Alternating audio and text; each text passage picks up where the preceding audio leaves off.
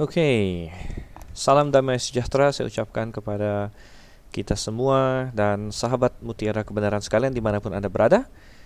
Apakah pada pagi hari, siang hari, malam hari? Saya harap hari ini Anda dalam keadaan yang baik secara jasmani tapi terutama secara rohani. Memang tubuh kita bisa saja semakin merosot seperti yang dikabarkan oleh Rasul Paulus di dalam surat Korintus dia berkata sekalipun kemah ya kemah dia berkata tubuh kita ini semakin merosot dari hari ke hari namun manusia batiniah kita diperkuat dan semoga kasih karunia Tuhan kita Yesus Kristus menyertai dan melindungi dan memberikan damai sejahtera kepada kita semua. Masih bersama dengan saya Dr. Stephen Einstein Liao dalam acara Mutiara Kebenaran dalam acara di mana kita ingin mempelajari firman Tuhan dan kita tahu firman-Mu adalah kebenaran. Yohanes 17 ayat 17 oleh karena itu kita ingin menggali saudara Tuhan. Untuk mendapatkan mutiara kadang-kadang kita perlu menggali kadang-kadang kita perlu menyelam kadang-kadang kita perlu mencari. Dan oleh karena itu kita mau satu pasal ya kira-kira satu pasal satu hari kita mau belajar firman Tuhan. Dan kita sudah sampai pada hari ini ke dalam kitab ulangan pasal yang kelima. Ya, kita sudah sampai di kitab ulangan. Ini adalah kitab kelima. Ini adalah salah satu bagian dari kitab yang disebut kitab Taurat atau kitab Musa. Kita sudah membahas pendahuluannya.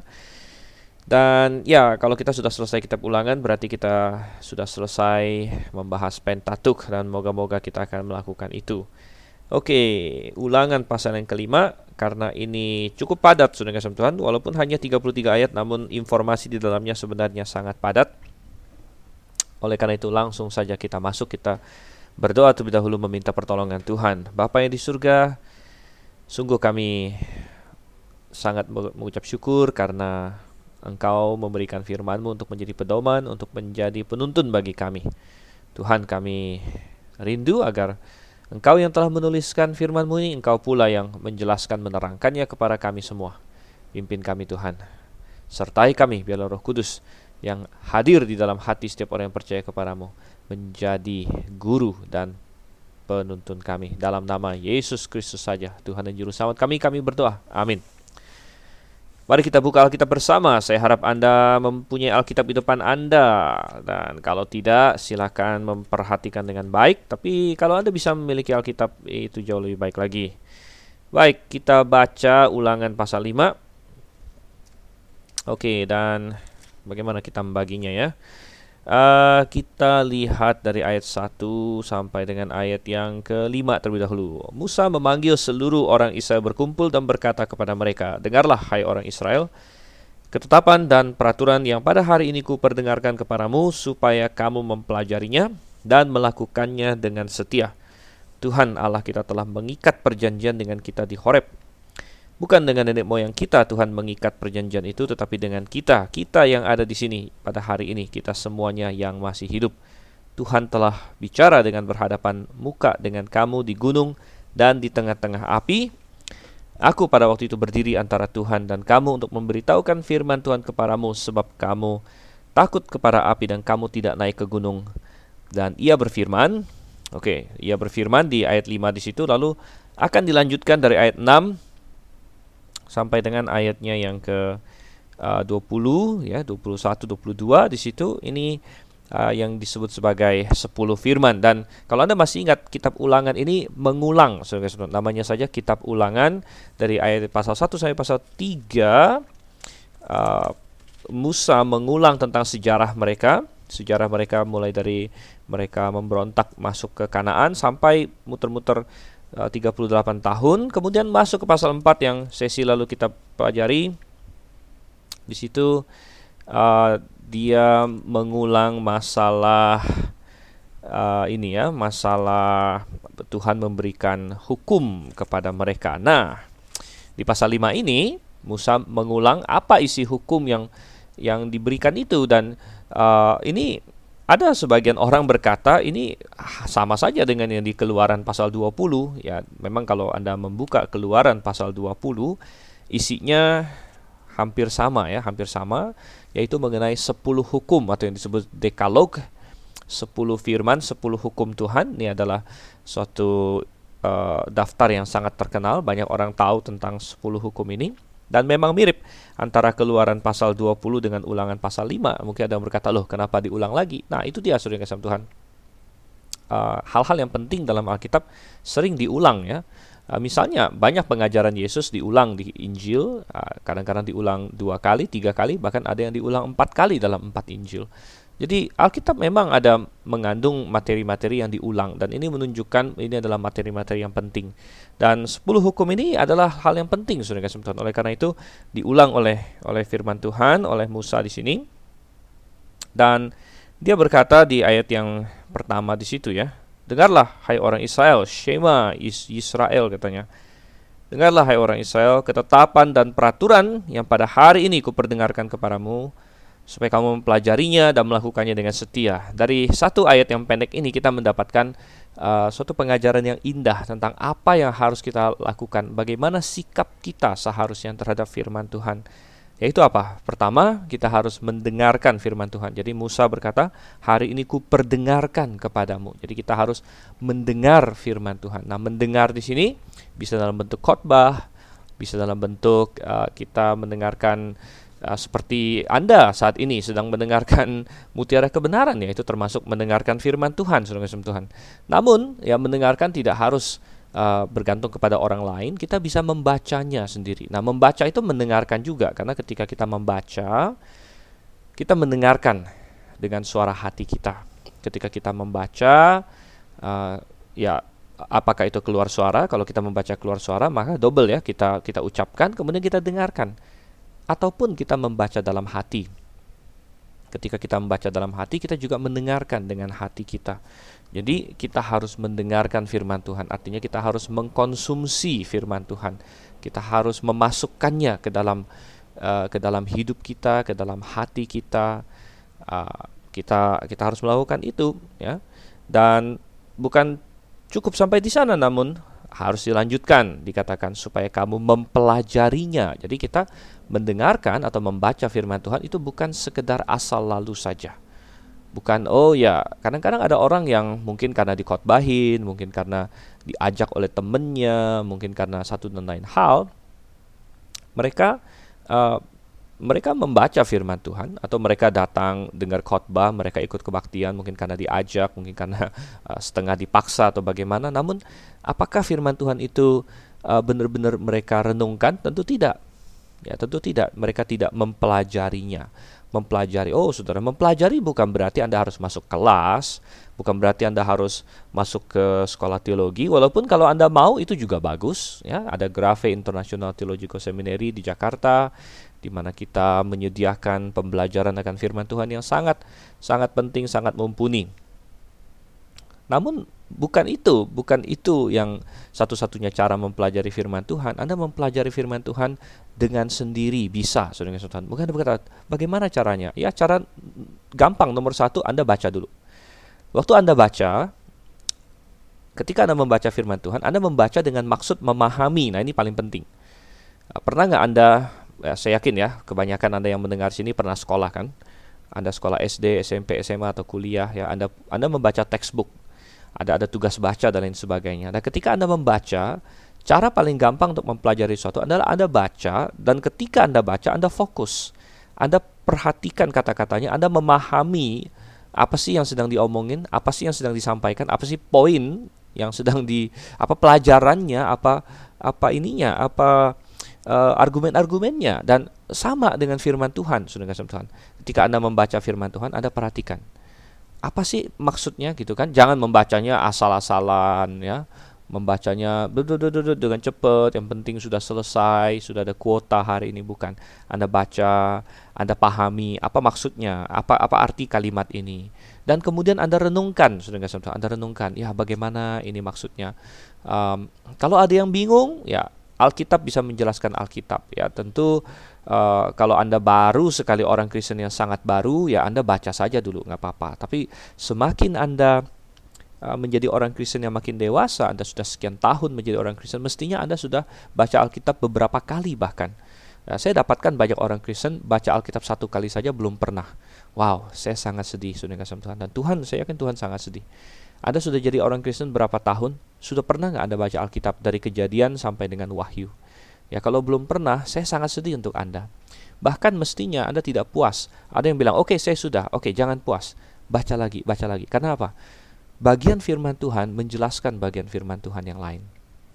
Anda bingung tentang sesuatu, kalau Anda sudah pernah baca Alkitab sebelumnya atau ada bahkan beberapa kali, Anda mungkin bisa diingatkan oleh firman Tuhan. Oh, mungkin ada jawabannya, ada hubungannya dengan uh, suatu pengajaran di bagian firman Tuhan yang lain. Jadi Alkitab menjelaskan Alkitab ya. Jadi mempelajari, merenungkanlah intinya. Tuhan, apa maksudnya ini? Dan kita berdoa. Dan yang terakhir, saudara Tuhan, kita mendengar firman Tuhan, kita mempelajarinya dan kita melakukannya. Nah, ini penting ya. Jadi tentu kita praktekkan dalam kehidupan kita, kita lakukan. Ya, ada perintah Tuhan yang yang disampaikan, oke okay, kita lakukan. Ya, dan apa kita kita baca Alkitab, apa apa pesan Tuhan kepada kita pada hari ini? Mungkin pesan Tuhan kepada kita hari ini adalah untuk mengasihi sesama kita. Ada ada ayatnya. Oke, okay, kita lihat bagaimana cara saya mau melakukan itu. Mungkin pesan firman Tuhan adalah uh, mengenai giat melayani Tuhan atau untuk menyerahkan segala kekhawatiran kita kepada Tuhan. Mari kita praktekkan ya ayat-ayat firman Tuhan yang kita baca. Oke, ini ya Musa katakan, aku memperdengarkan supaya kamu mempelajari dan melakukannya. Dan dia mengulang apa yang uh, Tuhan katakan di Horeb di ayat 2 Tuhan Allah telah mengikat perjanjian dengan kita di Horeb. Nah, Horeb itu nama lain dari Sinai. Ya, dulu saya juga bingung kok kadang disebut Sinai, kadang disebut Horeb. Nah, rupanya setelah ya sekali lagi itu tadi membandingkan Alkitab dengan Alkitab, membandingkan satu ayat firman Tuhan dengan bagian firman Tuhan yang lain dan itu kita dapatkan ternyata Sinai sama dengan Horeb. Uh, bukan dengan nenek moyang kita Tuhan mengikat perjanjian itu, sebenarnya perjanjian ini kan diikat 40 tahun ya, kira-kira 40 tahun sebelum kitab ulangan ini dan uh, kebanyakan uh, orang yang masih hidup di waktu kitab ulangan ditulis itu adalah orang-orang yang di bawah 20 tahun karena semua yang di atas 20 tahun sudah mati ya tapi masih ya. Jadi artinya masih ada orang-orang yang hidup yang melihat langsung apa yang terjadi di Gunung Horeb itu. Jadi Musa berkata ini bukan sesuatu yang ratusan tahun sebelumnya, ini bukan perjanjian dengan Abraham, Ishak, Yakub, ya Bapak-bapak luhur. Ini dengan kita, dengan dengan orang-orang yang masih hidup sekarang ini masih bisa menjadi saksi sekarang begitu ya. Walaupun tentu ada anak-anak mereka yang uh, tidak tidak melihat peristiwa itu ya, namun uh, secara umum mereka masih bisa disebut generasi yang menerima perjanjian tersebut dan Tuhan bicara dari gunung, dari tengah-tengah api katanya. Oke, lalu apa yang uh, dikatakan oleh Tuhan itu akan kita baca dari ayat 6 sampai seterusnya. Nah, kita akan bahas satu persatu dari perintah ini ya. Perintah yang pertama ada di ayat yang ketujuh. Jangan ada padamu Allah lain di hadapanku. Jadi ini permulaan dari uh, hukum itu dan hukum ini sudah kasih Tuhan, banyak orang kalau mendengar tentang hukum itu sudah uh, takut duluan ya. Kalau orang mendengar tentang hukum-hukum dia sudah negatif duluan. Namun sudah kasih Tuhan, Alkitab selalu mengatakan bahwa hukum Tuhan itu sempurna. Hukum Tuhan itu indah.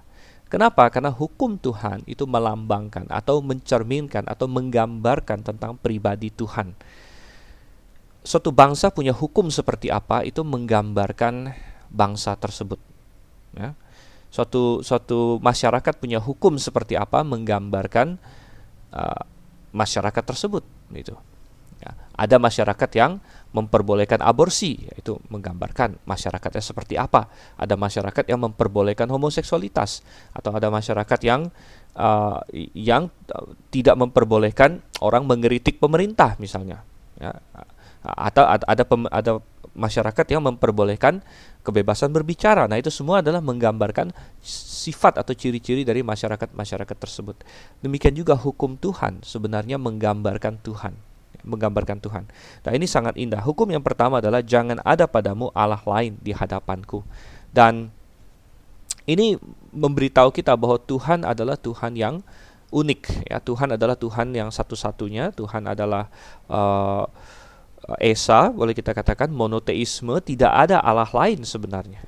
Nah, ini adalah realitanya. Nah, memang ada banyak yang disebut Allah, artinya manusia ya uh, dia membuat Allah-Allah ilah-ilah lain bagi diri mereka sendiri. Namun sebenarnya tidak ada. Realitanya adalah hanya ada satu pencipta.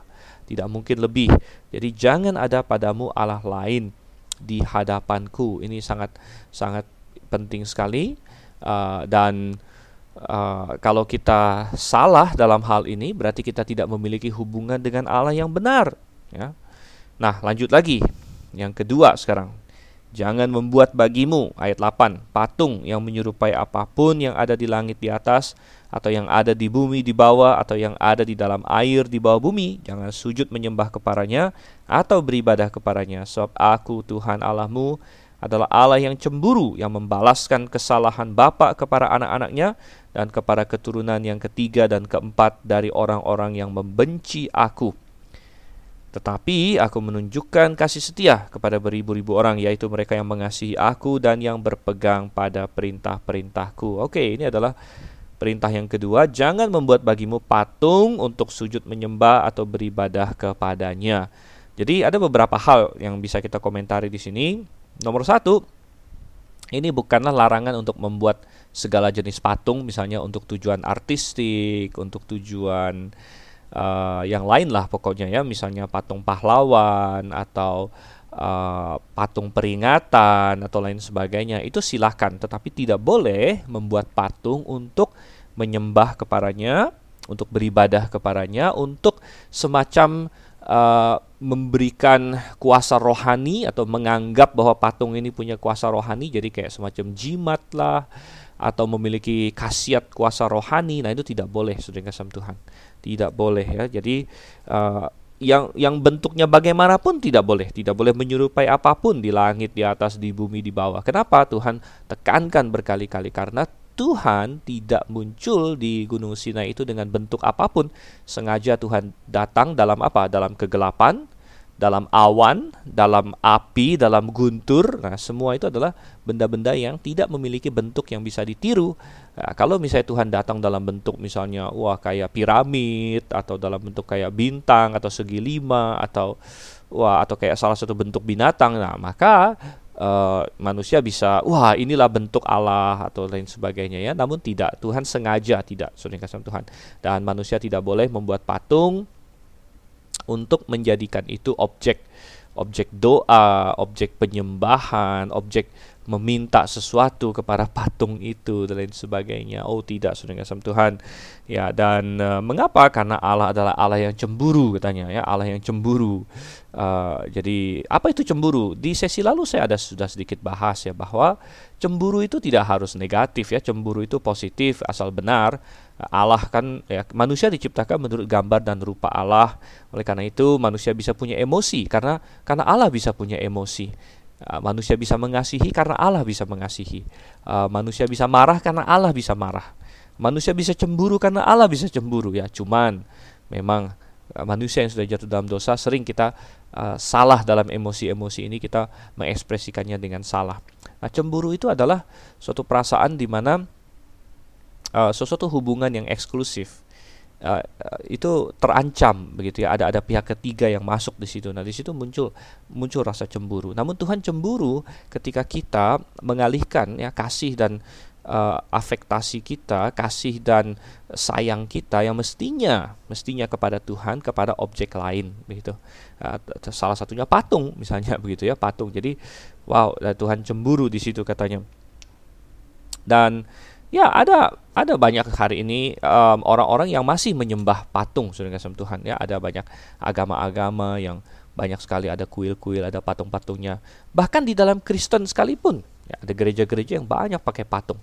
Uh, Katolik Ortodoks Timur ya mereka di gereja-gereja banyak patung ya. Entah itu patung Yesus katanya kah atau patung Maria kah atau patung Santo Santa kah ya ada ada Santo Petrus Santo Paulus dan ya, kadang-kadang mereka berkata, ah kami tidak tidak menyembah kok ini ya. Tapi kenyataannya apa saudara kesempatan? Kenyataannya sering kali mereka berdoa. Oh ada banyak sekali ya eh, orang-orang uh, misalnya berdoa di bawah patung patung Maria ya.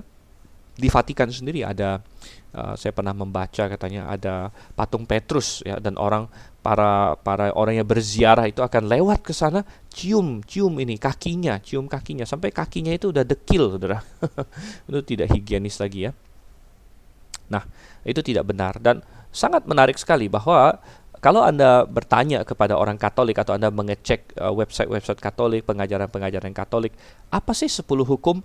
Nah, versi mereka agak sedikit beda. Versi 10 hukumnya Katolik adalah uh, nomor satu jangan ada padamu Allah lain di hadapanku. Lalu hukum kedua mereka itu me melewati ya atau melompatin yang yang membuat patung ini, dia nanti hukum keduanya langsung jangan menyebut nama Tuhan Allahmu dengan sembarangan. Jadi mereka tidak mau menaruh yang jangan membuat patung ini dalam 10 hukum mereka. Dan nanti belakangan mereka tambahkan satu, yaitu di hukum ke-10 nanti mereka bagi menjadi dua ya. Jadi jangan mengingini istri itu satu, kemudian jangan mengingini rumah itu itu itu nomor 10. Jangan mengingini istri nomor 9, jangan mengingini rumah nomor 10. Yang sangat tidak masuk akal sebenarnya bahwa itu dibagi dua seperti itu dan ya uh, banyak yang masih uh, terlibat dengan patung. Nah mungkin anda berkata, ah saya tidak tidak terlibat dengan patung. Tapi hati-hati saudara sama Tuhan.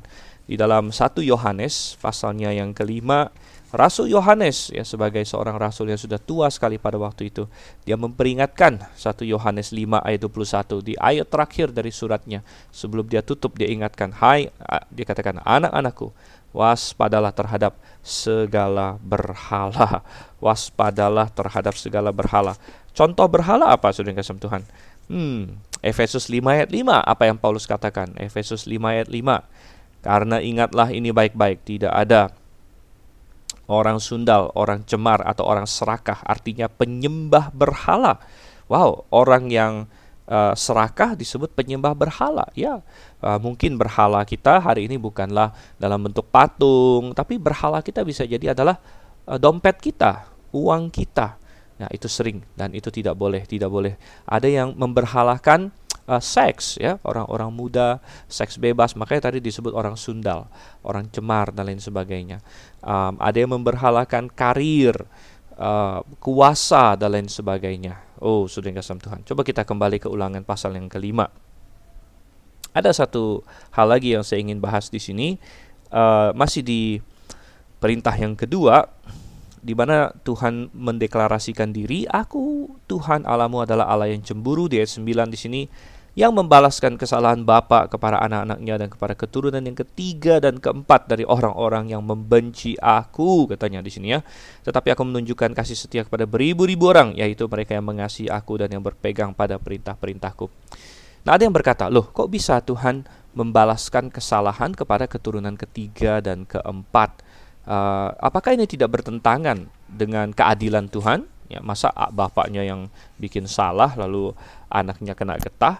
Dan bukankah ini bertentangan dengan prinsip yang Tuhan nyatakan sendiri di dalam misalnya katakanlah uh, kitab Yehezkiel? Kalau Anda buka nabi-nabi ya Yehezkiel dalam perjanjian lama Yehezkiel pasal 18 itu judul yang diberikan oleh lembaga Alkitab Indonesia adalah setiap manusia bertanggung jawab atas dirinya dan kita tidak punya waktu untuk baca semuanya. Namun nanti Anda baca dan intinya di pasal ini Tuhan menegaskan ya uh, bahwa semua orang bertanggung jawab atas dirinya sendiri. Uh, misalnya di ayat 5 dikatakan kalau seseorang adalah orang benar yang melakukan keadilan kebenaran, pokoknya intinya benar di hadapan Tuhan dan lain sebagainya ya. Uh, maka dia akan hidup Tuhan bilang, dia akan hidup. Tapi kalau dia melahirkan anak ayat 10, melahirkan anak yang jahat jadi perampok lain sebagainya, anaknya akan Tuhan hukum. Ya, tidak peduli bapaknya benar, anaknya salah, anaknya dihukum. Dan itu dibalik juga, dibalik di mana uh, dia bilang kalau misalnya ada seorang ayah yang ayat 18 ya. Ayat 18 ada seorang ayah yang yang kacau ya dan lain sebagainya, maka ayah itu akan dihukum, dia harus mati. Tapi kalau dia melahirkan seorang anak yang baik, anaknya akan akan dibenarkan oleh Tuhan, akan hidup begitu. Jadi uh, di Yeskiel 18 Tuhan memberikan prinsip, eh tiap-tiap orang bertanggung jawab atas dirinya sendiri begitu. Nah, tetapi bagaimana kita menselaraskan ini dengan yang diulangan pasal 5. Nah, sebenarnya ini sangat indah sekali dan tidak ada tidak ada kontradiksi uh, ada suatu keharmonisan yang luar biasa. Sebenarnya apa yang Tuhan ingin katakan adalah memang benar semua orang bertanggung jawab atas dirinya sendiri. Kalau orang tua kita beriman, kita tidak beriman ya, ya kita tidak bisa nebeng iman orang tua kita. Demikian juga kalau misalnya uh, mereka tidak beriman, kita beriman, ya nggak masalah, saudara kasih Tuhan. Tuhan akan berurusan pribadi dengan kita, dia, dia akan memberkati kita. Namun apa yang dikatakan di ulangan pasal 5 di sini, Tuhan adalah Tuhan yang membalaskan kepada keturunan ketiga dan yang keempat. Ini ada suatu asumsi di sini. Ada suatu asumsi bahwa ketika seseorang itu jahat, ya, dia akan mempengaruhi anak-anaknya gitu ya. Dia akan mempengaruhi anak-anaknya. Dan memang benar kalau orang tua itu jahat anaknya kemungkinan jahatnya besar nggak? Ya kemungkinan jahatnya lebih besar begitu. Dan ketika seseorang itu meninggalkan Tuhan dan berlaku jahat contohnya Kain ya ada, kan ada anaknya Adam dan Hawa ada ada Habel ada Kain ya Kain membunuh Habel kemudian akhirnya Habel digantikan oleh Set. Dan keturunan Kain yang jahat ataupun yang lain-lain Uh, misalnya, ya nggak usah jauh-jauh dalam sejarah Israel sendiri. Ya, ada yang beriman, ada yang tidak beriman. Yakub beriman, Esau katanya adalah orang yang tidak beriman, dia seorang yang cabul. Uh, dan keturunannya gimana ya? Keturunannya makin lama makin jauh dari Tuhan karena orang tuanya tidak tidak push dia, tidak mendorong dia ke arah yang rohani, sedangkan Yakub sebaliknya. Nah, jadi saudara kasih Tuhan, Tuhan membalaskan kepada keturunan ketiga dan keempat ini dengan asumsi ya, dengan asumsi bahwa uh, kejahatan sang bapak akan mempengaruhi anaknya. Kejahatan sang bapak membuat anak-anaknya ini menjauh dari Tuhan sehingga uh, dampak dari kejahatan sang bapak ini berpengaruh sampai kepada keturunannya saudara Namun jikalau karena kasih karunia tadi saya katakan itu kan asumsi ya asumsi uh, secara umum kalau seseorang jahat anaknya akan ikut menyimpang. Namun tentu Tuhan bekerja ya Tuhan bekerja ada kasih karunia bisa saja ada yang diselamatkan. Dan kalau ada di antara mereka diselamatkan sudah kasih Tuhan ya orang itu akan berurusan pribadi dengan Tuhan seperti yang di Yeskiel pasal 18 kalau dia beriman dia akan beriman. Ya contohnya uh, orang-orang Kanaan. Kanaan kan sangat jahat ya. Namun ternyata ada di antaranya yang yang mau bertobat kepada Tuhan. Ada Rahab yang mantan uh, perempuan sundal kemudian ada Ruth misalnya seorang wanita Moab dan lain sebagainya. Jadi ini adalah hal yang indah dan ayat 10 itu sangat uh, sangat menggembirakan, sangat menguatkan bagi kita bahwa Tuhan menunjukkan kasih setia pada beribu-ribu orang itu mereka yang mengasihi aku mengasihi Tuhan ya. Oke, lanjut ke perintah yang ketiga sekarang. Ayat 11. Jangan menyebut nama Tuhan Allahmu dengan sembarangan sebab Tuhan akan memandang bersalah orang yang menyebut namanya dengan sembarangan. Oke, okay, ya perintah ini uh, menggambarkan bahwa Tuhan kita adalah Tuhan yang terhormat ya. Tuhan ingin kita tahu bahwa Dia adalah raja yang agung dan tidak boleh sembarangan. Tidak boleh menyebut nama Dia dengan sembarangan ya. Dan ya, Saudara kasih Tuhan, uh, perintah ini bisa bisa di salah pahami dalam dua ekstrim ya dua ekstrim. Ekstrim yang pertama adalah mengabaikannya ekstrim yang satu lagi adalah mentahayulkannya. Dan uh, di dunia banyak orang yang jatuh kepada salah satu ekstrim ini. Uh, ada ekstrim di mana mengabaikan perintah ini sama sekali. Jadi tidak peduli dengan Tuhan. Nah ini banyak di dunia sekuler, di film-film dan lain sebagainya. Nama Tuhan dipakai dengan sembarangan ya. Kadang-kadang ada orang Kristen yang bahkan tidak sadar karena mereka tidak pernah diajar begitu.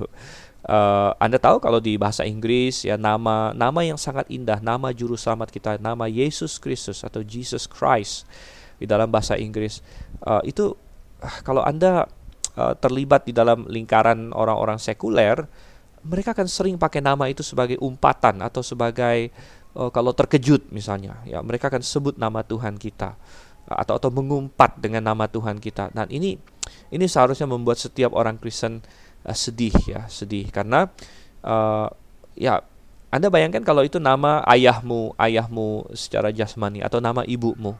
Lalu itu dijadikan bahan umpatan. Anda sedih atau tidak? Ya mestinya kita sedih. Dan saya heran ya, banyak orang Kristen yang masa bodoh sepertinya.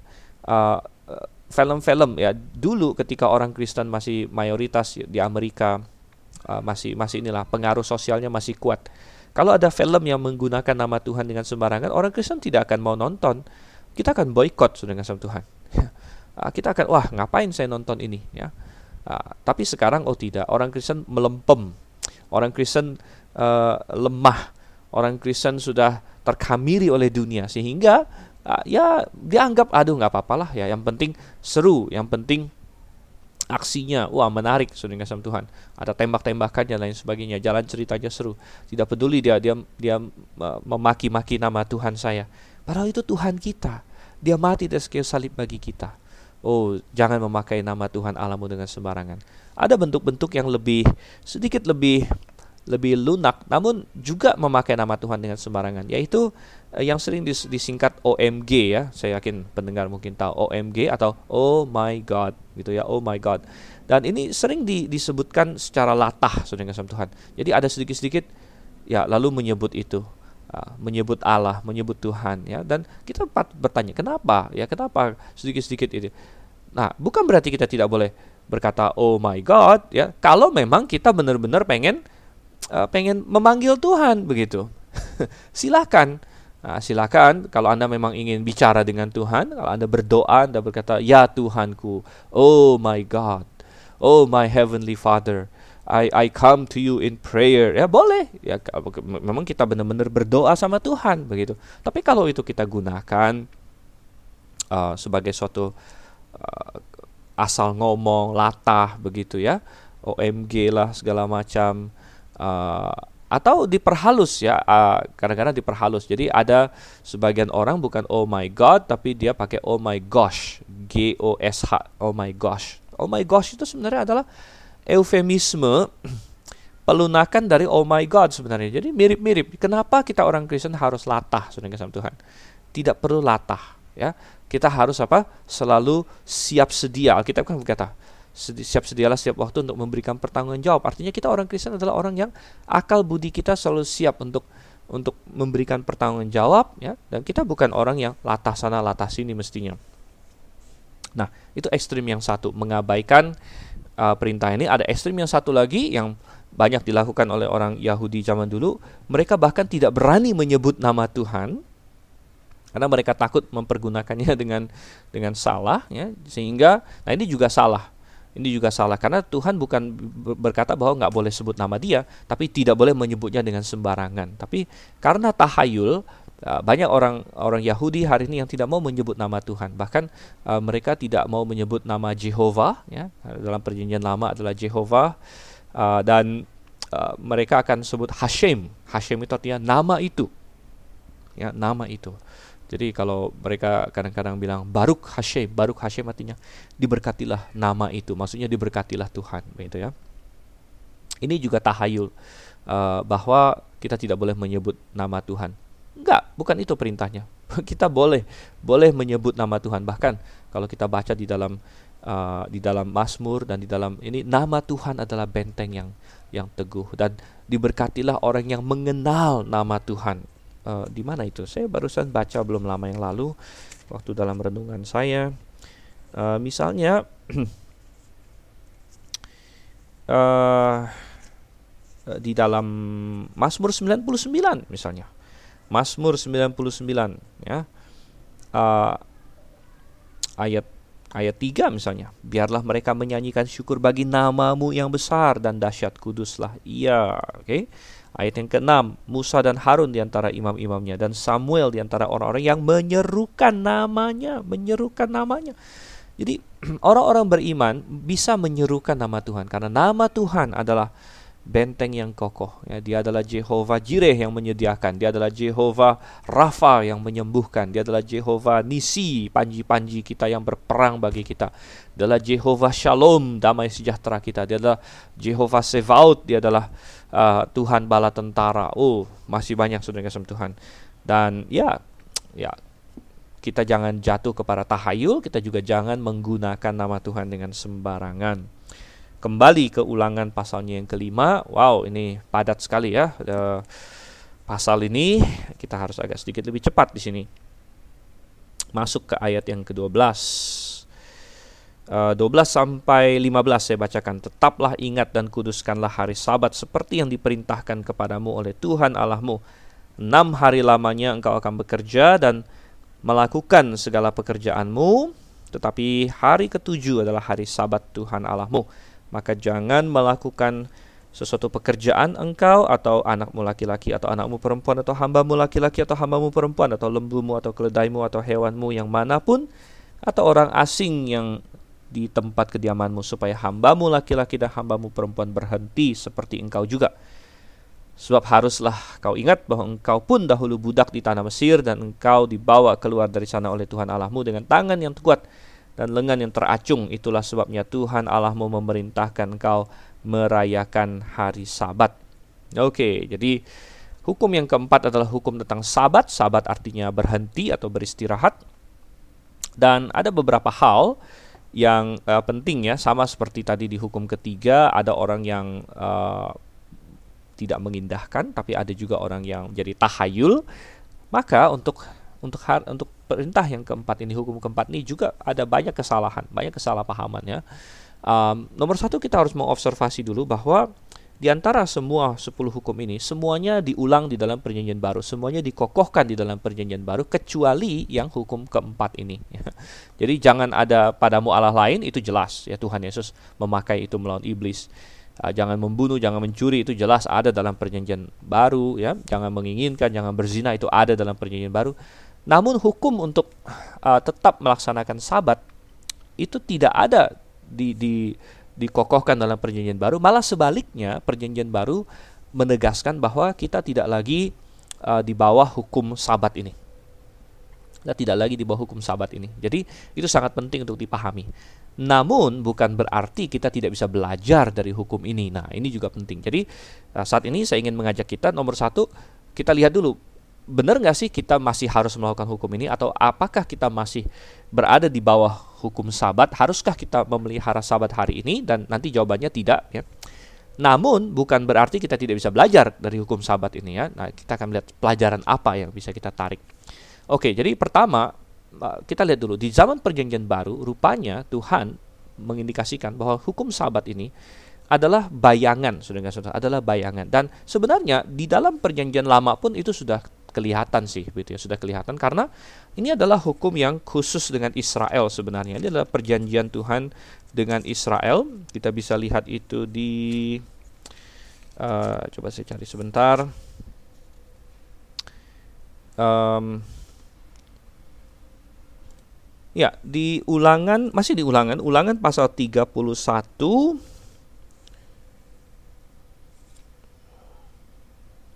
Ulangan pasal 31 uh, eh, sorry, bukan ulangan, keluaran. Ya, salah. Keluaran pasal 31 ayatnya yang ke uh, eh, 13. Coba kita lihat ya. Ya, jadi ini Keluaran 31 ayat 13, lalu saya baca dari 12, berfirmanlah Tuhan kepada Musa, katakanlah kepada orang Israel demikian, akan tetapi hari-hari sabatku harus kamu pelihara, sebab itu peringatan antara aku dan kamu turun-temurun, sehingga kamu mengetahui bahwa akulah Tuhan yang menguduskan kamu. Jadi, hukum sabat adalah perjanjian atau peringatan antara Tuhan dengan Israel. Jadi, sabat itu diberikan kepada Israel sebenarnya, bukan kepada bangsa-bangsa lain. Dan ini ditegaskan juga di bagian lain firman Tuhan yaitu di kitab Nehemia. Ya, yaitu di Nehemia pasal pasal 9 ya. Nehemia pasal 9 uh, coba kita lihat dan Nehemia di sini mengulang sedikit juga tentang sejarah di Sinai itu. Kita lihat dari ayat 13-nya saja. Nehemia 9 ayat 13, Engkau telah turun ke atas gunung Sinai dan berbicara dengan mereka dari langit dan memberikan mereka peraturan-peraturan yang adil, hukum-hukum yang benar, serta ketetapan-ketetapan dan perintah-perintah yang baik. Juga kau beritahukan kepada mereka sabatmu yang kudus. Dan memberikan pada mereka perintah-perintah. Jadi, sabat yang kudus diberikan kepada orang Israel di Gunung Sinai. Dan ini meruntuhkan argumen dari sebagian orang, ya, sebagian gereja, ya contohnya gereja Advent hari ini yang berkata bahwa uh, orang Kristen harus memelihara sabat hari ini. Ini uh, pengajaran gereja Advent dan mereka berargumen bahwa hukum Sabat itu sudah ada sejak penciptaan. Sejak Adam dan Hawa uh, sudah ada hukum Sabat bahwa harus uh, memelihara menguduskan hari Sabat. Nah, itu tidak benar memang konsep sabat itu dikaitkan dengan penciptaan karena Tuhan menciptakan enam hari beristirahat pada hari ketujuh. Itu tidak ada orang yang meragukan tidak ada orang yang membantah bahwa itulah pola yang Tuhan berikan. Namun Adam dan Hawa anak-anaknya Seth sampai Nuh segala macam tidak pernah disuruh uh, hari sabat itu harus harus spesial bagaimana atau harus ada ada ada, ada perintah khusus mengkuduskannya. Tidak pernah sudah dengan Tuhan. Bahkan uh, di Nehemia tadi kita baca barulah di Gunung Sinai uh, tadi ayat 14 Nehemia 9 ayat 14 kau beritahukan kepada mereka sabatmu yang kudus. Jadi kalau memang hukum sabat sudah berlaku sejak penciptaan itu tidak masuk akal bahwa di Gunung Sinai baru diberikan ya.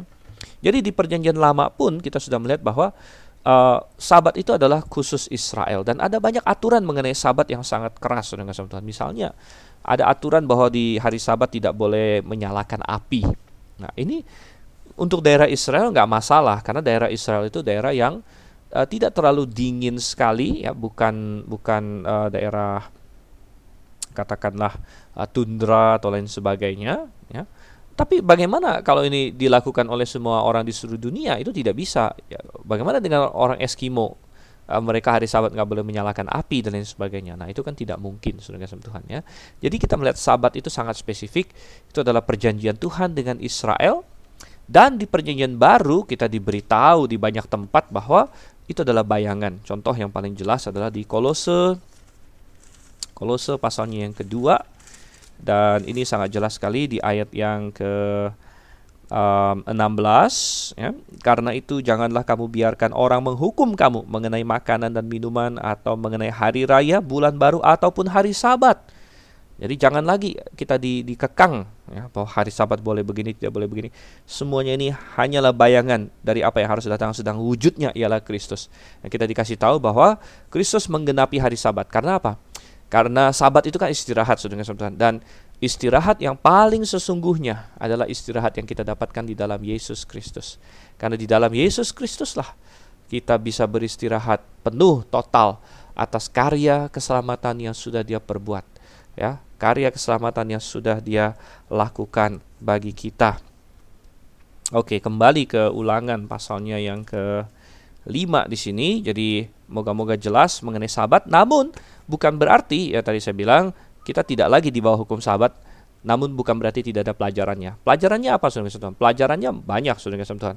Misalnya Tuhan ingin bahwa manusia punya siklus kerja istirahat yang yang baik ya walaupun tidak ada kita tidak di bawah hukum Taurat namun jangan menjadi seorang workaholic orang bilang. Artinya orang yang kerja terus kerja terus kerja terus tanpa istirahat itu tidak baik bagi tubuh. Um, juga ada pelajaran bahwa Tuhan ingin kita menyisihkan waktu tertentu yang khusus untuk Dia, ya karena pada hari Sabat Tuhan ingin orang Israel waktu itu berfokus mendekatkan diri pada Tuhan dan sebagainya, dan kita perlu menyisihkan waktu mendekatkan diri pada Tuhan. Kalau orang Israel dipaksa satu hari dalam satu minggu, jadi sepertujuh ya, sepertujuh waktu uh, khusus dia harus berhenti total bekerja, dia dia dia boleh ngapa-ngapain, dia hanya boleh merenungkan firman Tuhan.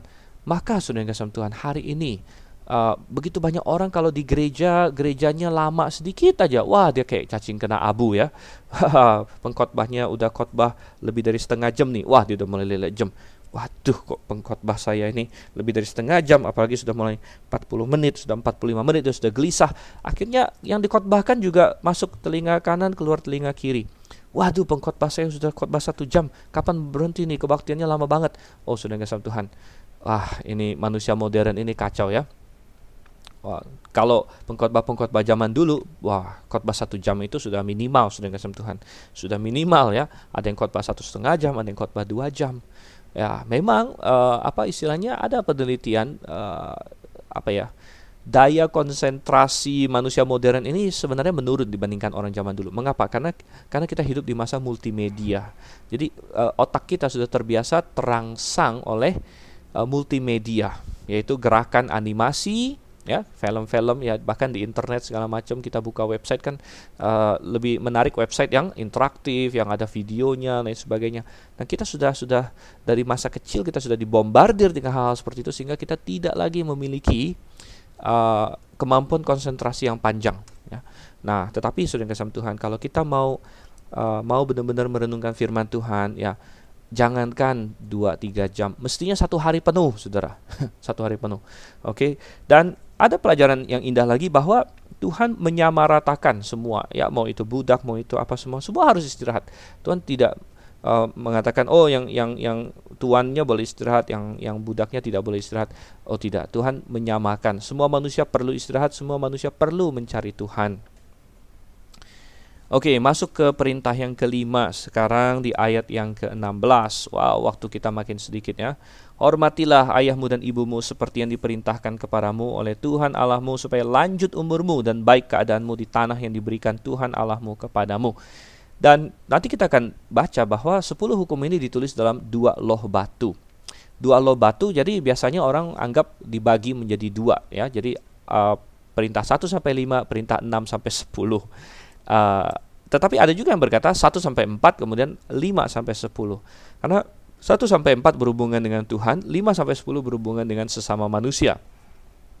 Namun, saudara kasih Tuhan, sebenarnya yang menghormati ayah dan ibu ini ada hubungan dengan Tuhan juga sebenarnya. Karena apa? Orang tua adalah perwakilan Tuhan pada waktu seorang anak masih kecil, masih di bawah pengasuhan mereka. Orang tualah yang uh, otoritas di atas mereka, ya, sehingga harus dihormati, harus ditaati, Ya, sampai kapan menghormati orang tua? Ya, sampai mati gitu ya. Kita harus menghormati mereka, tapi mentaati ya tentu kalau kita sudah lepas dari orang tua. Kapan kita lepas dari orang tua? Salah satu kita lepas dari orang tua adalah ketika kita menikah misalnya. Di dalam kejadian kan pernikahan itu apa? Dikatakan sebab itu seorang laki-laki akan meninggalkan apa? ayahnya dan ibunya dan bersatu dengan istrinya. Jadi membentuk keluarga sendiri maka tidak lagi di bawah pengasuhan orang tua, tetap menghormati mereka, tidak taat tidak perlu taat sama mereka walaupun uh, orang tua tetap uh, apalagi orang tua yang berhikmat yang ada dalam Tuhan ya uh, kita perlu belajar dari mereka mereka punya hikmat mereka punya pengalaman yang luar biasa namun kita harus menghormati mereka katanya di sini.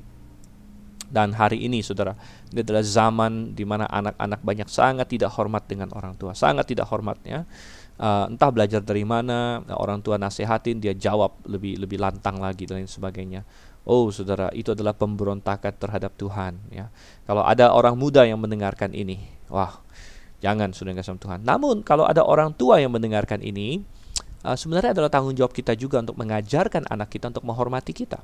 Adalah tanggung jawab orang tua untuk mengajarkan anak untuk taat sudah sama Tuhan. Dengan cara bagaimana? Dengan cara kita uh, menuntut bahwa mereka harus taat ya mereka harus taat gitu. Dan kita ajarkan ini dari kecil ya. Dan kalau mereka tidak taat uh, mereka menerima konsekuensi ada disiplin ya.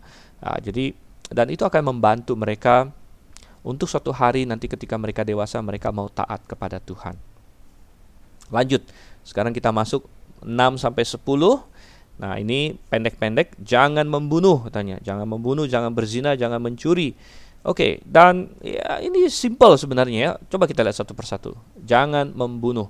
Nah, kata membunuh di sini coba saya cek sekali lagi supaya uh, saya tidak salah.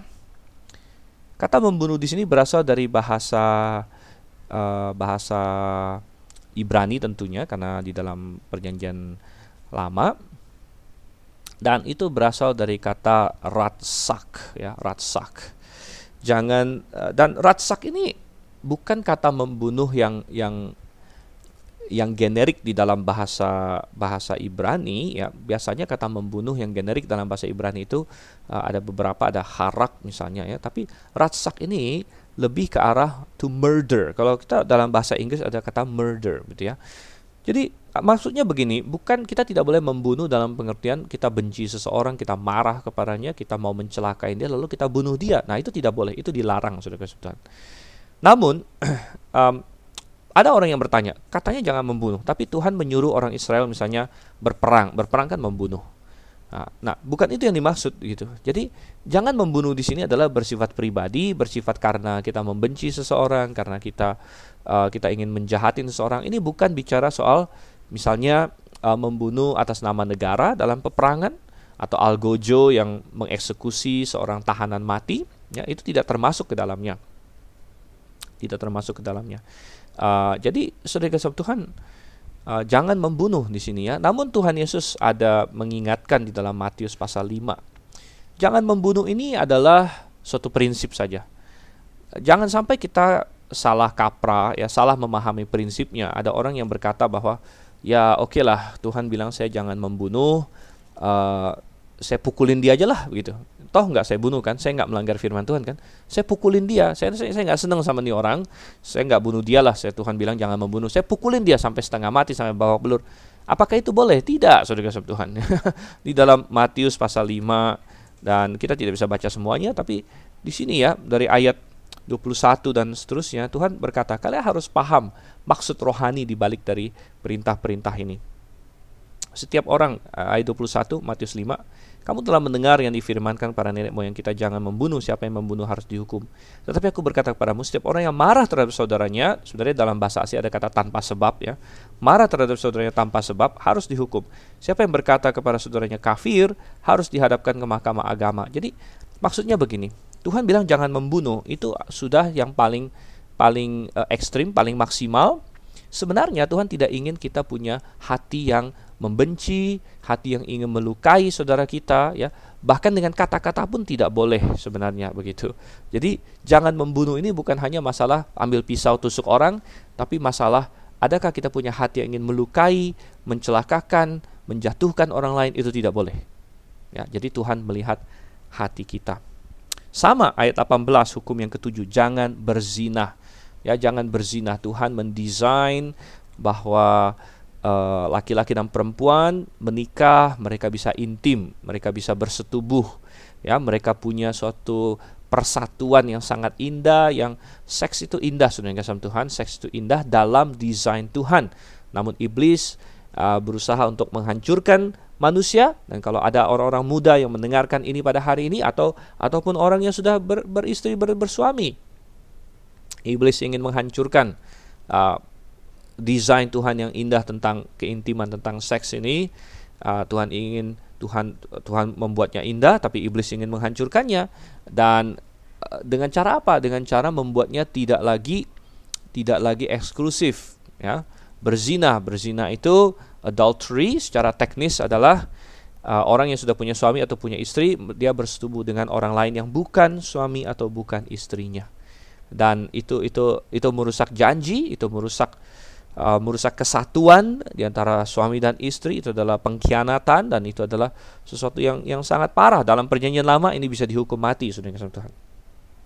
Namun sekali lagi Tuhan Yesus mengingatkan bahwa ini masalah hati, masalah hati. Ada orang yang secara fisik tidak pernah selingkuh, tidak pernah berzina, namun berdasarkan standar Tuhan Yesus, barang siapa katanya ya, dalam hatinya sudah menginginkan ya, jadi dalam hatinya dia dia membayangkan dia bersetubuh dengan orang lain. Dalam hatinya dia uh, wah, dia membayangkan ya mungkin dia ada melihat lawan jenis atau sesama jenis ya. Karena sekarang kan sudah parah ya sudah LGBT uh, dan dan dia membayangkan uh, sesuatu yang seksual dengan dengan orang yang bukan suami dan bukan istrinya itu sudah Tuhan. Maka itu adalah perzinahan dalam hati dan itu perlu uh, perlu anda minta ampun sama Tuhan ya. Nah, karena karena Anda berzina ya. Dan ya jangan mencuri ya, jangan mencuri sangat jelas itu bukan punya kita. Um, jangan mencuri dari manusia jangan mencuri dari Tuhan juga. Dalam kitab Maleaki Tuhan berkata, uh, "Jangan uh, kamu sudah mencuri, mencuri dari Tuhan." Dan uh, mereka bilang, "Bagaimana caranya kami mencuri dari dari Engkau, Tuhan?" Ya, Tuhan bilang, eh, "Mestinya kamu kasih persembahan, kasih persepuluhan, namun kamu kamu lebih ngurusin yang lain." Ya. Nah, Saudara kasih Tuhan, di dalam perjanjian baru, ya kita memberikan segala sesuatu dengan sukacita.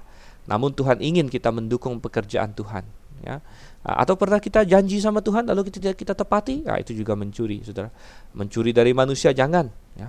Uh, ada orang yang tidak mencuri di supermarket tapi dia korupsi dan sebagainya. Wow ini juga mencuri. Menyontek juga mencuri saudara Tuhan. Ya, banyak orang yang ya pelajar-pelajar ya mereka nyontek dan sebagainya. Itu itu bukan bukan kemampuan anda itu anda mencuri nilai. Ya, jadi mencuri ini luas Ayat 20, jangan mengucapkan saksi dusta tentang sesamamu, jangan berbohong.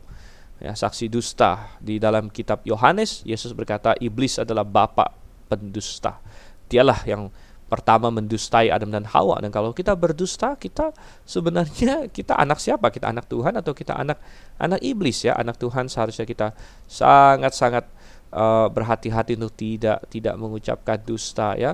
ya kalau kita jatuh oh Tuhan kita Tuhan ya maafkan saya, saya lemah, saya jatuh. Uh, jangan mengucapkan saksi dusta tentang sesamamu, katanya di sini.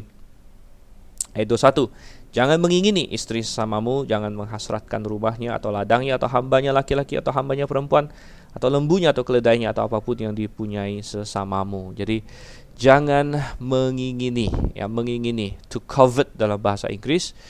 Uh, di dalam bahasa Ibrani-nya ini sangat menarik ya to covet neither shalt thou desire katanya ya. Desire di sini dari kata uh, hamad sebenarnya itu artinya semacam sangat mengingini gitu ya sangat mengingini. Jadi sudah kasih Tuhan ya kalau itu bukan milik kita ya kita jangan wah kita kita wah jadi iri jadi mengingini lain sebagainya. Apalagi istri orang suami orang ya.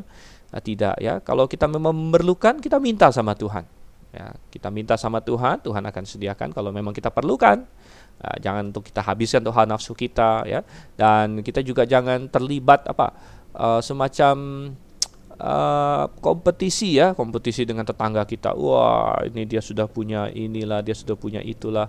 Wah saya kok belum dan sebagainya. Nah ini akhirnya akhirnya apa? Akhirnya kita jadi tamak akhirnya kita kita menjadi orang yang uh, uh, tidak pernah puas, ya, selalu khawatir. Wah, itu tidak baik saudara sama Tuhan. Ayat 22, firman itulah yang diucapkan Tuhan kepada seluruh jemaahmu dengan suara nyaring di gunung dari tengah-tengah api, awan dan kegelapan dan tidak ditambahkannya apa-apa lagi ditulisnya semuanya pada dua loh batu lalu diberikannya kepadaku. Oke, 10 hukum ini hukum yang sangat terkenal. Tapi saya ingin menekankan satu hal. Sepuluh hukum ini nomor satu dia menggambarkan Allah, menggambarkan Allah yang esa, menggambarkan Allah yang terhormat, Allah yang mengasihi manusia, Allah yang benar, ya oleh karena itu kita tidak boleh tidak benar. Jadi menggambarkan sifat Allah. Tetapi selain menggambarkan sifat Allah, hukum ini juga menggambarkan kebobrokan kita. Jadi menggambarkan kehebatan Allah, tapi sekaligus menggambarkan betapa kita sudah jauh jatuh jauh. Ya karena siapa pun ya saya yakin orang yang jujur membaca semua ini tidak ada seorang yang pun yang berkata saya sudah sempurna. Saya sudah lakukan semuanya. Tidak ada sudah Tuhan. Oleh karena itu fungsi hukum selain menggambarkan Tuhan yang sempurna juga menggambarkan kita yang bobrok ya. Dan oleh karena itu tidak ada satu orang pun yang pernah bisa diselamatkan karena melakukan hukum. Ini sangat penting sekali. Di dalam kitab Galatia, saya bacakan Galatia pasal 2 ayat yang ke-16. Paulus berkata, "Kami tahu, kamu tahu bahwa tidak seorang pun yang dibenarkan oleh karena melakukan hukum Taurat, ya, tetapi hanya oleh karena iman dalam Kristus Yesus." Ya, jadi kalau gitu apa fungsi hukum? Fungsi hukum adalah untuk mengantar kita kepada Kristus supaya kita tahu kita bobrok. Tuhan sempurna, kita bobrok. Kita perlu juru selamat dan kita hanya bisa diselamatkan kalau kita percaya kepada Yesus Kristus yang mati di atas kayu salib menggantikan kita karena kita sudah melanggar hukum dan patut dihukum saudara yang kasih Tuhan. Oke, kita lanjutkan ayat 23 sampai ayat 33. Ketika kamu mendengar suara itu dari tengah-tengah gelap gulita, sementara gunung itu menyala, maka kamu, yakni semua kepala sukumu dan para tua-tuamu mendekati aku dan berkata, Sesungguhnya Tuhan Allah kita telah memperlihatkan kepada kita kemuliaan dan kebesarannya, dan suaranya telah kita dengar dari tengah-tengah api. Pada hari ini telah kami lihat bahwa Allah berbicara dengan manusia dan manusia itu tetap hidup. Tetapi sekarang mengapa kami harus mati? Sebab api yang besar ini akan menghanguskan kami ya. Apabila kami lebih lama lagi mendengar suara Tuhan Allah kita, kami akan mati katanya. Sebab makhluk manakah yang telah mendengar suara dari Allah yang hidup yang berbicara dari tengah-tengah api seperti kami dan tetap hidup? Wah, mereka takut ya. Mereka takut. Jadi uh, peristiwa yang di Sinai itu bukan peristiwa yang wah kayak piknik begitu kayak wah santai-santai bukan ini mengerikan mengerikan dan ini kontras sekali dengan kita hari ini. Dan ini kontras yang diajarkan di dalam kitab Ibrani. Kalau Anda masih ingat, coba kita buka Ibrani. Ibrani pasalnya yang ke-12 um, ayat 18. Nah, perbedaan kontras antara orang perjanjian lama dengan orang perjanjian baru justru menggambarkan betapa besar kasih karunia yang kita miliki Mulai dari ayat 18, Ibrani 12 ayat 18, sebab kamu tidak datang kepada gunung yang dapat disentuh dan api yang menyala-nyala, kepada kekelaman, kegelapan dan angin badai, kepada bunyi sangkakala bunyi suara yang membuat mereka yang mendengarnya memohon supaya jangan lagi berbicara kepada mereka, sebab mereka tidak tahan mendengar perintah ini. Bahkan jika binatang pun yang menyentuh gunung, ia harus lempari dengan batu. Dan sangat mengerikan pemandangan itu sehingga Musa berkata, aku sangat ketakutan dan sangat gemetar. Jadi ini pengalaman di Gunung Sinai. Tapi bagaimana dengan kita? Ketika kita diselamatkan, ketika kita diselamatkan, apakah kita mengalami ketakutan seperti itu? Ketakutan, uh, wah mendekati Tuhan? Tidak. Ya, ayat 22. Tetapi kamu sudah datang ke Bukit Sion Ya, jadi Bukit Sion ini bukit yang rohani. Gunung Sinai adalah gunung yang literal yang bisa disentuh. Nah, kita sudah datang ke Bukit Sion, tidak kita sentuh, ya mana kita kan nggak ke Israel, orang nggak diselamatkan dengan pergi ke Israel kan. Tapi ini gunung Bukit Sion rohani, ke kota Allah yang hidup Yerusalem sorgawi dan kepada beribu-ribu malaikat suatu kumpulan yang meriah dan kepada jemaat anak-anak sulung yang namanya terdaftar di sorga dan kepada Allah yang menghakimi semua orang dan kepada roh-roh orang-orang benar yang telah menjadi sempurna dan kepada Yesus pengantara perjanjian baru. Jadi Musa adalah pengantara waktu di Gunung Sinai, Yesus adalah pengantara kita hari ini dan betapa lebih mulianya yang kita miliki, betapa lebih indahnya dan seharusnya kita lebih lagi. Kalau orang perjanjian lama disuruh mengasihi Tuhan, kita seharusnya lebih lagi. Kalau orang perjanjian lama sepertujuh hari khusus untuk Tuhan. Kita tidak lagi di bawah hukum sahabat, saudara. Tapi seharusnya kita lebih lagi, lebih lagi ya. Kalau orang perjanjian lama memberikan persepuluhan, seharusnya kita lebih lagi, saudara sama Tuhan. Kalau orang perjanjian lama tidak memakai nama Tuhan dengan sembarangan, seharusnya kita lebih lagi. Karena kita ada di masa kasih karunia. Masa kasih karunia tidak membuat kita lebih melempem, lebih lemah, lebih lebih letoy sama Tuhan. Kita seharusnya, wah, kita punya hak-hak dan kita punya kemuliaan yang jauh lebih besar. Oke, kita sudah lewat tapi sedikit kita lanjutkan ulangan masih ulangan 5 ya. Ayat 27. Mendekatlah engkau dan dengarkanlah segala yang difirmankan Tuhan Allah kita dan engkaulah yang mengatakan kepada kami segala yang difirmankan kepadamu oleh Tuhan Allah kita maka kami akan mendengar dan melakukannya Ketika Tuhan mendengar perkataanmu itu, sedang kamu mengatakannya kepadaku, maka berfirmanlah Tuhan kepadaku, telah kudengar perkataan bangsa ini yang dikatakan mereka kepadamu. Segala yang dikatakan mereka itu baik. Jadi respon awal orang Ibrani itu baik. Uh, mereka takut sama Tuhan, mereka serius menanggapi Tuhan. Ayat 29, kiranya hati mereka selalu begitu, yakni takut akan takut dan berpegang pada segala perintahku supaya baik keadaan mereka dan anak-anak mereka untuk selama-lamanya. Saudara, ketika Tuhan memberikan hukumnya, itu adalah untuk kebaikan kita, supaya kita baik adanya. Ya. Namun sayang ya orang orang Yahudi, uh, ya Tuhan bilang, oh seandainya hati mereka selalu begitu. Namun kita baca di kitab Keluaran ya tidak berapa lama kemudian, tidak lama kemudian mereka menari-nari di depan lembu emas. Oh sangat disayangkan ya. Jadi kalau anda hari ini mendengar firman Tuhan, jangan nanti anda lepas satu jam dua jam setelah mendengar mutiara kebenaran ini anda berbuat dosa, saudara Ya. Ayat 30. Pergilah katakanlah kepada mereka, kembalilah ke kemahmu, tetapi engkau berdirilah di sini bersama-sama dengan aku, maka aku hendak mengatakan kepadamu segenap perintah, yakni ketetapan dan peraturan yang harus kau ajarkan kepada mereka supaya mereka melakukannya di negeri yang kuberikan kepada mereka untuk dimiliki. Maka lakukanlah semuanya itu dengan setia seperti yang diperintahkan kepadamu oleh Tuhan Allahmu.